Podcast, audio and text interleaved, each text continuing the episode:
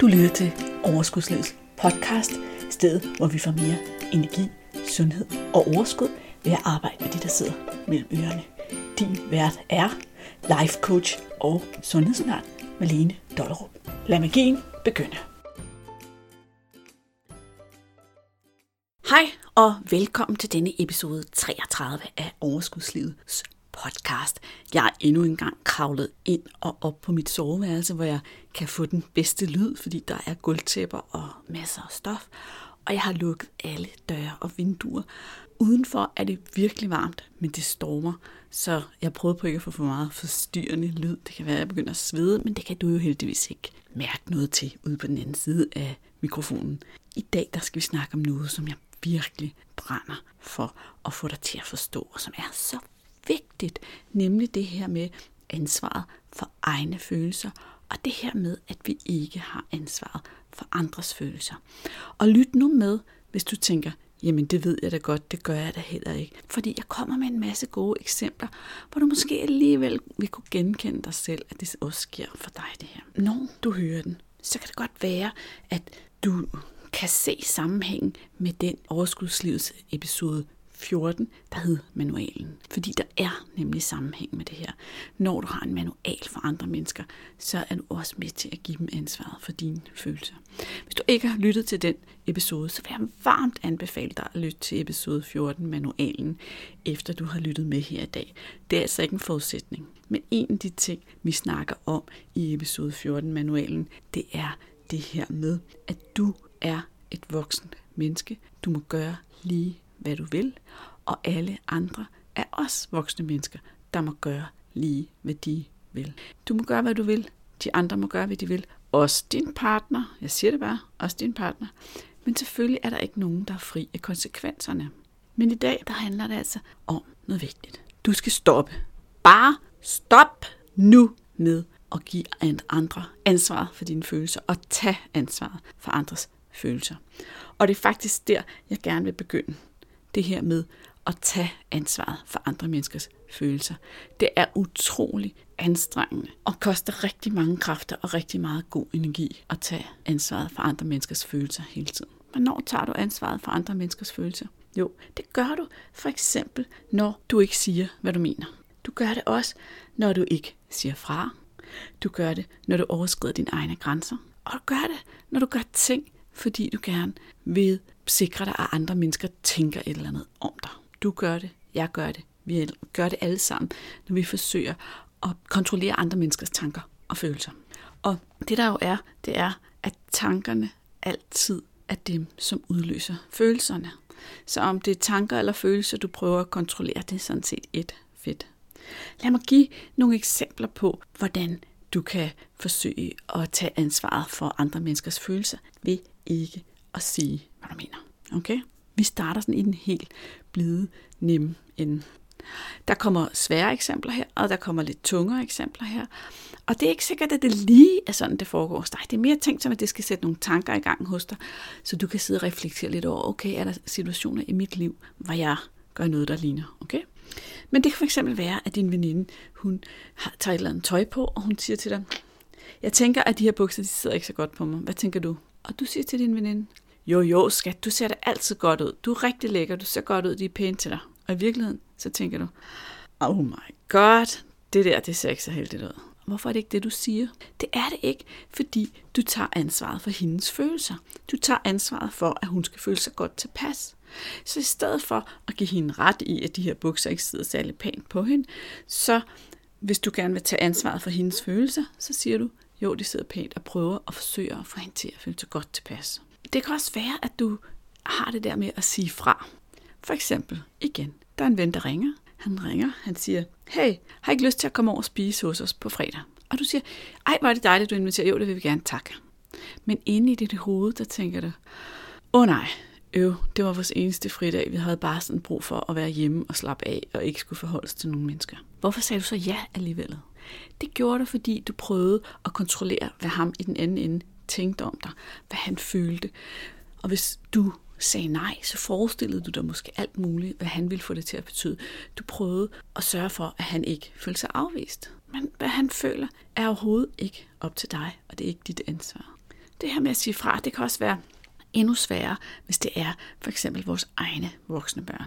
De vil gerne låne penge af os. Du siger ikke nej, selvom du egentlig ikke har lyst til at låne pengene. Du tager igen ansvaret for, hvordan dit voksne barn føler. Men dit voksne barn er også voksen og har også ansvaret for sine egne følelser.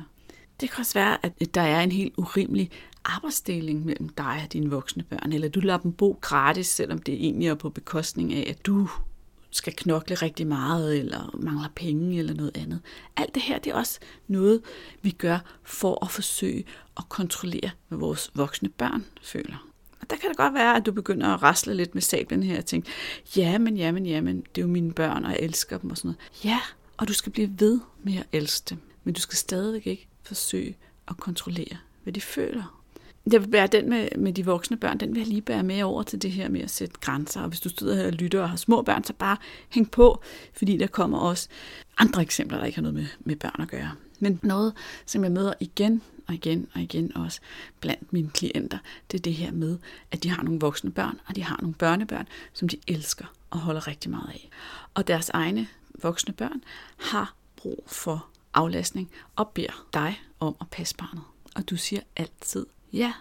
Du siger også ja til at aflaste din voksne søn eller datter, når, ved, når du selv er ved at vælte omkuld af opgaver og træthed.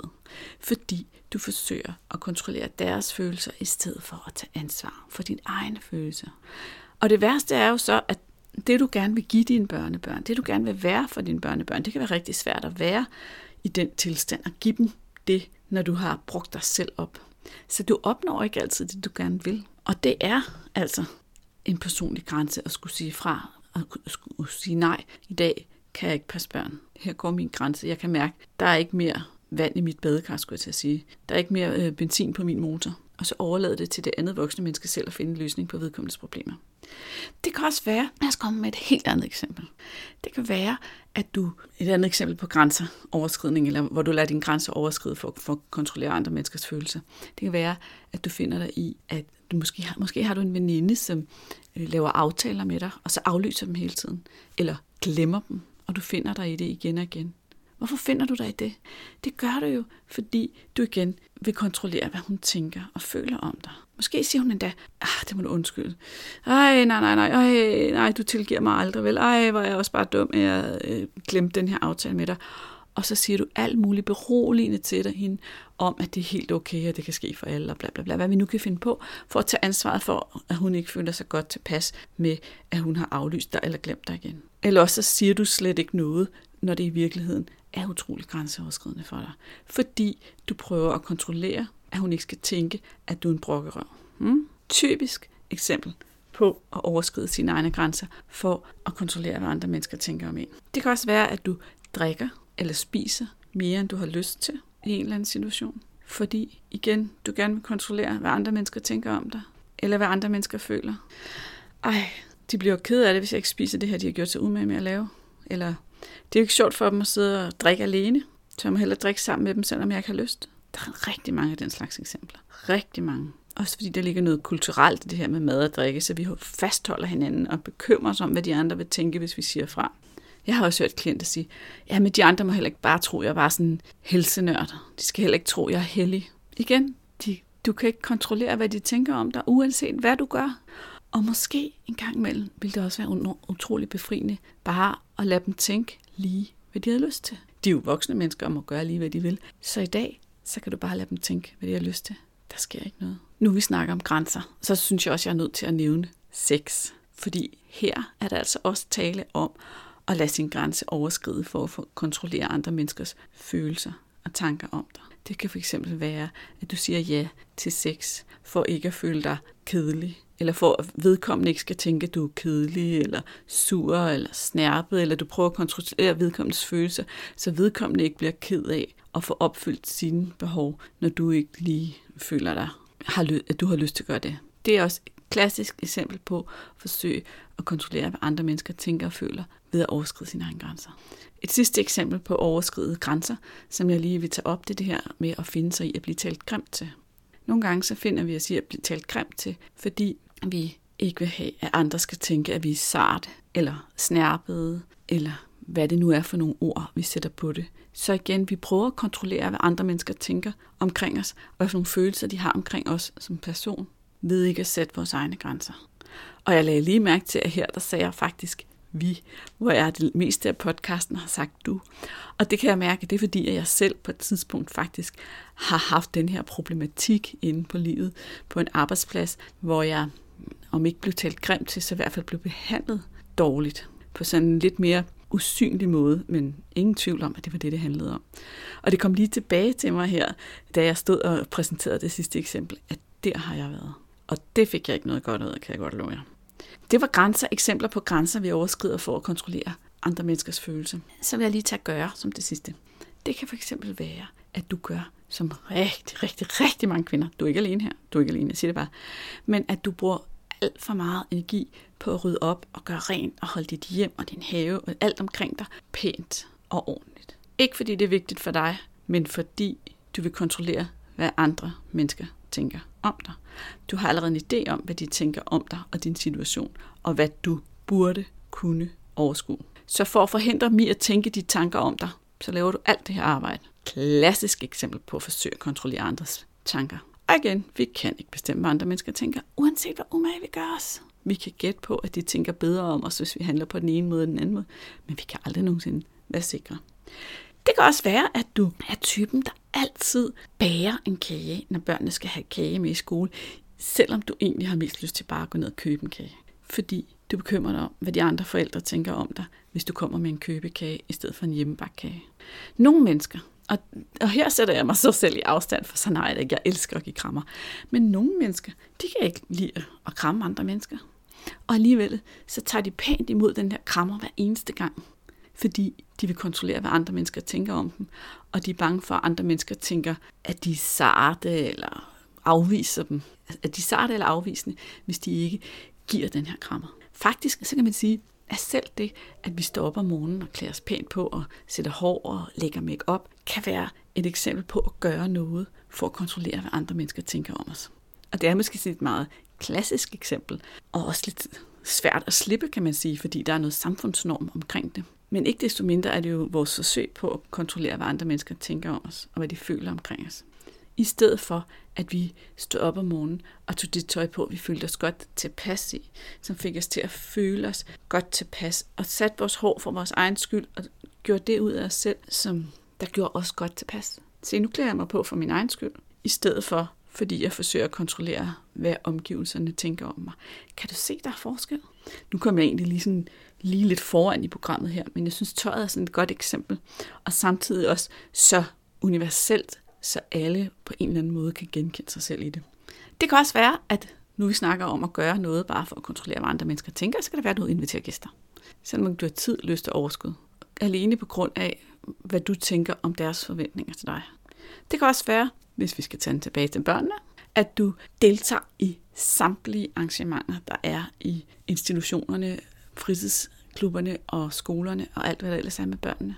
Alene fordi du tænker, at de andre vil tænke noget om dig, hvis du melder fra. Det kan også være, at du, prøver, du, du har en idé om, hvad dine børn vil tænke om dig, hvis du ikke vil med, og du ikke vil deltage, eller de ikke kan komme med til det her klippe arrangement. Hvad du måske ikke tænker over, det er, at du måske faktisk i virkeligheden ikke lige frem er den fedeste bror her dame at få til klippe arrangementet, når du overhovedet ikke har lyst til at være der, og dine børn også kan mærke det. Nogle gange så er det her med at sige fra over for sådan noget som, som arrangementer, som der kan være virkelig mange af, når man har børn. Det er jo ikke bare at stå op for sig selv, men også at vise sine børn, at det er okay at sætte grænser og mærke efter, hvornår fungerer det, og hvornår fungerer det ikke. Det her, det var eksempler på, hvad du kan gøre for at forsøge at kontrollere andre menneskers følelser. Men det værste ved, at du hele tiden forsøger at kontrollere andre menneskers følelser, det er, at du samtidig giver dem ansvaret for dine. Fordi hvis det hele tiden er dit mindset, så alt hvad de gør, alt hvordan de opfører sig, hvad de siger, det kontrollerer jo så også dine følelser. De, så har omgivelserne, så har menneskene omkring dig, så har alt andet end dig ansvaret for dine følelser. Så kan du blive sur og såret og ked af det, og du kan være nede over, hvad der sker for dig, hvad andre mennesker gør ved dig, hvordan de opfører sig, hvordan de behandler, hvordan de siger fra. Men det er ikke sandt, at det er deres ansvar. Det er dit ansvar. Det er dine tanker, der bestemmer, hvad du føler. Det er så vigtigt. Så for det første, så vi skal begynde at sætte grænser. Det er et rigtig godt sted at starte. Det er et rigtig godt sted at starte. Og kunne sige, og, og når vi sætter grænser, så er det vigtigt at tage udgangspunkt i os selv. Så hvis vi tager det her eksempel med ikke at ville finde sig i at blive talt grimt til, så kan du sige fra ved at bebrejde vedkommende. Du kan sige, hvordan er det, du taler til mig? Det er da ikke i orden at tale til mig på den måde. Hvad er du for et menneske? Man taler da ikke sådan der til andre mennesker. Bla, bla, bla, bla, bla. Alt ansvaret over på ham, der taler grimt. Alle dine meninger og din manual over på ham. Du er ikke. Når du siger fra og sætter dine grænser, så siger du, jeg bryder mig ikke om at blive talt til på den måde. Hvis du har brug for at tale sådan på den måde, så går jeg. Og det er ikke en trussel. Det er en konsekvens, du kommunikerer ud, fordi det er din grænse. Prøv at lægge mærke til, hvordan det hele er over på min banehalvdel.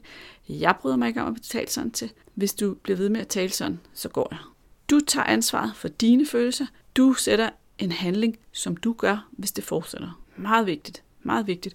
Og det her, det kræver træning. Det kræver træning. Det lyder nemt, når jeg siger det. Og jeg hører det igen og igen, når jeg prøver at arbejde formuleringer nogle gange med mine klienter i forhold til grænser. Det lyder så nemt, når du siger det. Men det er et træningsspørgsmål. Med hensyn til mad, når vi snakker om grænser, så synes jeg, du skal lytte til Overskudslivets podcast episode 3, hvor der er en masse gode eksempler på at kunne sige nej og kunne sige fra. Der vil du også få nogle formuleringer der, som du kan lade dig inspirere af, hvis du ikke har hørt den, eller du kan høre den igen. Jeg vil også lige give et eksempel med de her sådan, børnebørn. Og det kunne være, skat, jeg kan godt se, du er træt. Jeg kan godt mærke, du har behov for aflastning, men jeg kommer ikke til at passe dine børn lige nu. Det kan jeg ikke. Slut. Du behøver ikke forklare dig. Du behøver ikke alt muligt. Du må gerne bare sige nej. Du må gerne overlade ansvaret til det voksne menneske, din datter eller søn er.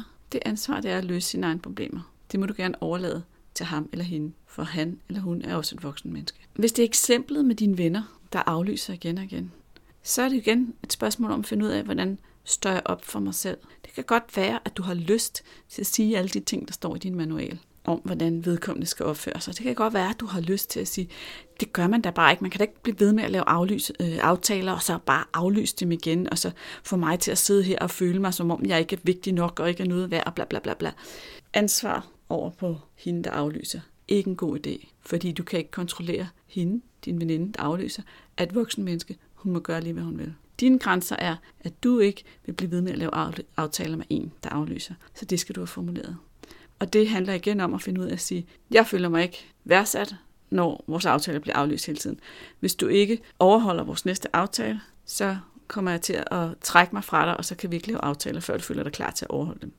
Eller sikker på, at du kan overholde dem. Hvordan det nu passer ind i dine grænser og dit verdensbillede. Men det her med også at tage ansvaret for at tage konsekvensen. Det kan også godt kræve lidt mod. Fordi igen, når jeg tager ansvaret for at tage konsekvensen, så ved jeg ikke, hvad den anden føler, når jeg udfører min konsekvens. Og så kommer vi tilbage til at forsøge at tage ansvaret for andre menneskers følelser. Nej, det kan jeg da ikke. Jeg kan ikke bare sige til hende, at jeg ikke vil være sammen med hende og lave aftaler med hende, fordi hvad, så tænker hun, og så bliver hun ked af det. Blablabla. Det er ikke dit ansvar. Nu har du siddet og lyttet til mig i noget, der minder om 20 minutter, eller jeg har ikke engang helt styr på tiden. Og noget af det har måske givet mening, og noget af det har måske fået dig til at tænke, det kan man bare ikke. Men, men, men jeg er da nødt til, jeg bør, jeg skal, kan man ikke. Prøv en gang at udfordre alle de tanker, der eventuelt er dukket op i forbindelse med den her sådan, episode af podcasten. Jeg vil vide på, at der er dukket nogle protester op.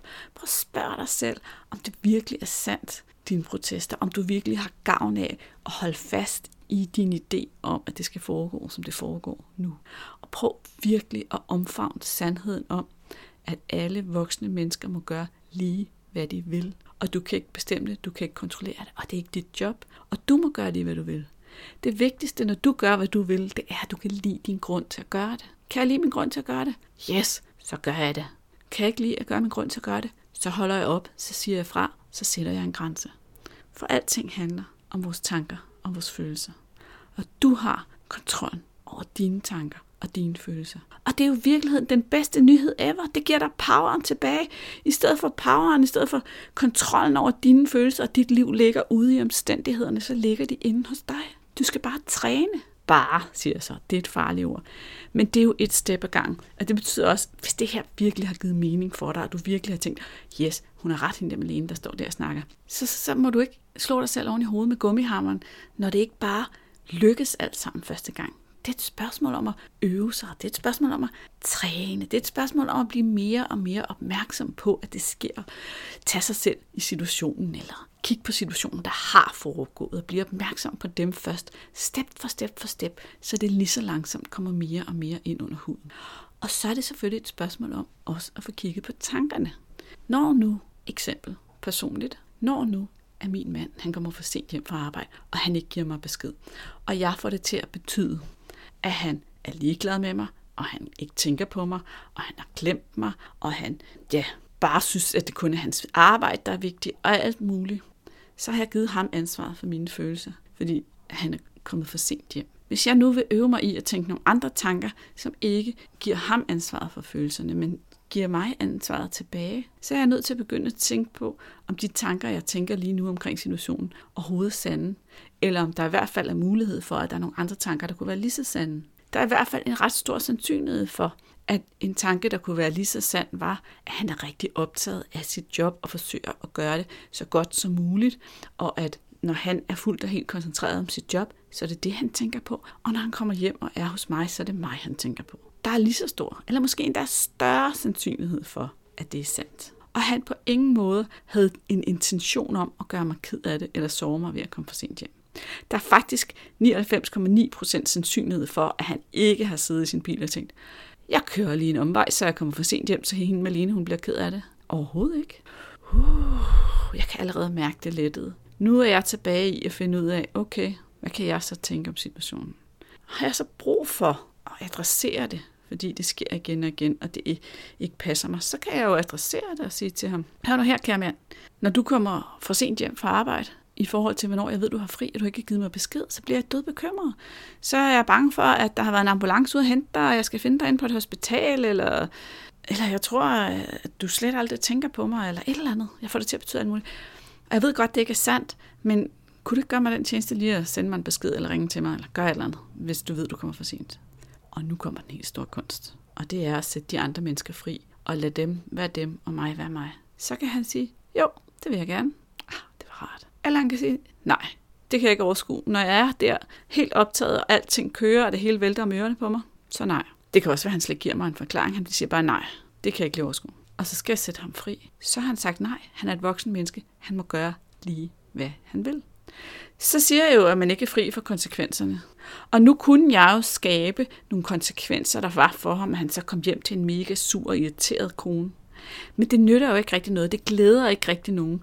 Det er sådan nogle konsekvenser, der igen er mit forsøg på at styre hans følelser. Så det vil jeg ikke gøre. Jeg vil finde en måde at være i fred med, at så er det sådan, det er, fordi han må gøre lige, hvad han vil.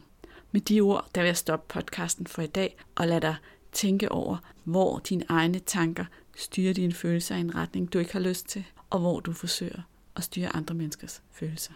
Vi høres videre med en uge. Hej hej. Ej, ved du hvad? Inden jeg løber helt, så vil jeg også lige opfordre dig til at høre episode 8 af Overskudslivets podcast. Den hedder Samvær med umulige mennesker. Og den er altså rigtig god, hvis du støder ind i nogle mennesker, du virkelig synes, det er svært at være sammen med. Og du virkelig har svært ved at være i rum med, for eksempel, eller rumme på den ene eller den anden måde. Så vil den give dig nogle redskaber til at finde ud af at være i det, i det omfang, der nu er behov for, at du rent faktisk er i det. Du skal selvfølgelig stadigvæk sætte dine grænser, men det ved du allerede. Hej hej. Hey, Psst. jeg har lige to forslag til dig, inden du løber og inden vi skilles. Det ene er, at du abonnerer på podcasten, så du ikke går glip af et eneste afsnit. Og det andet er, at du smutter ind på overskudslivet.dk-uvaner og henter den guide, jeg har lavet, der giver dig ni eksempler på uvaner, der ødelægger og saboterer dit vægttab. Vi høres ved i næste uge.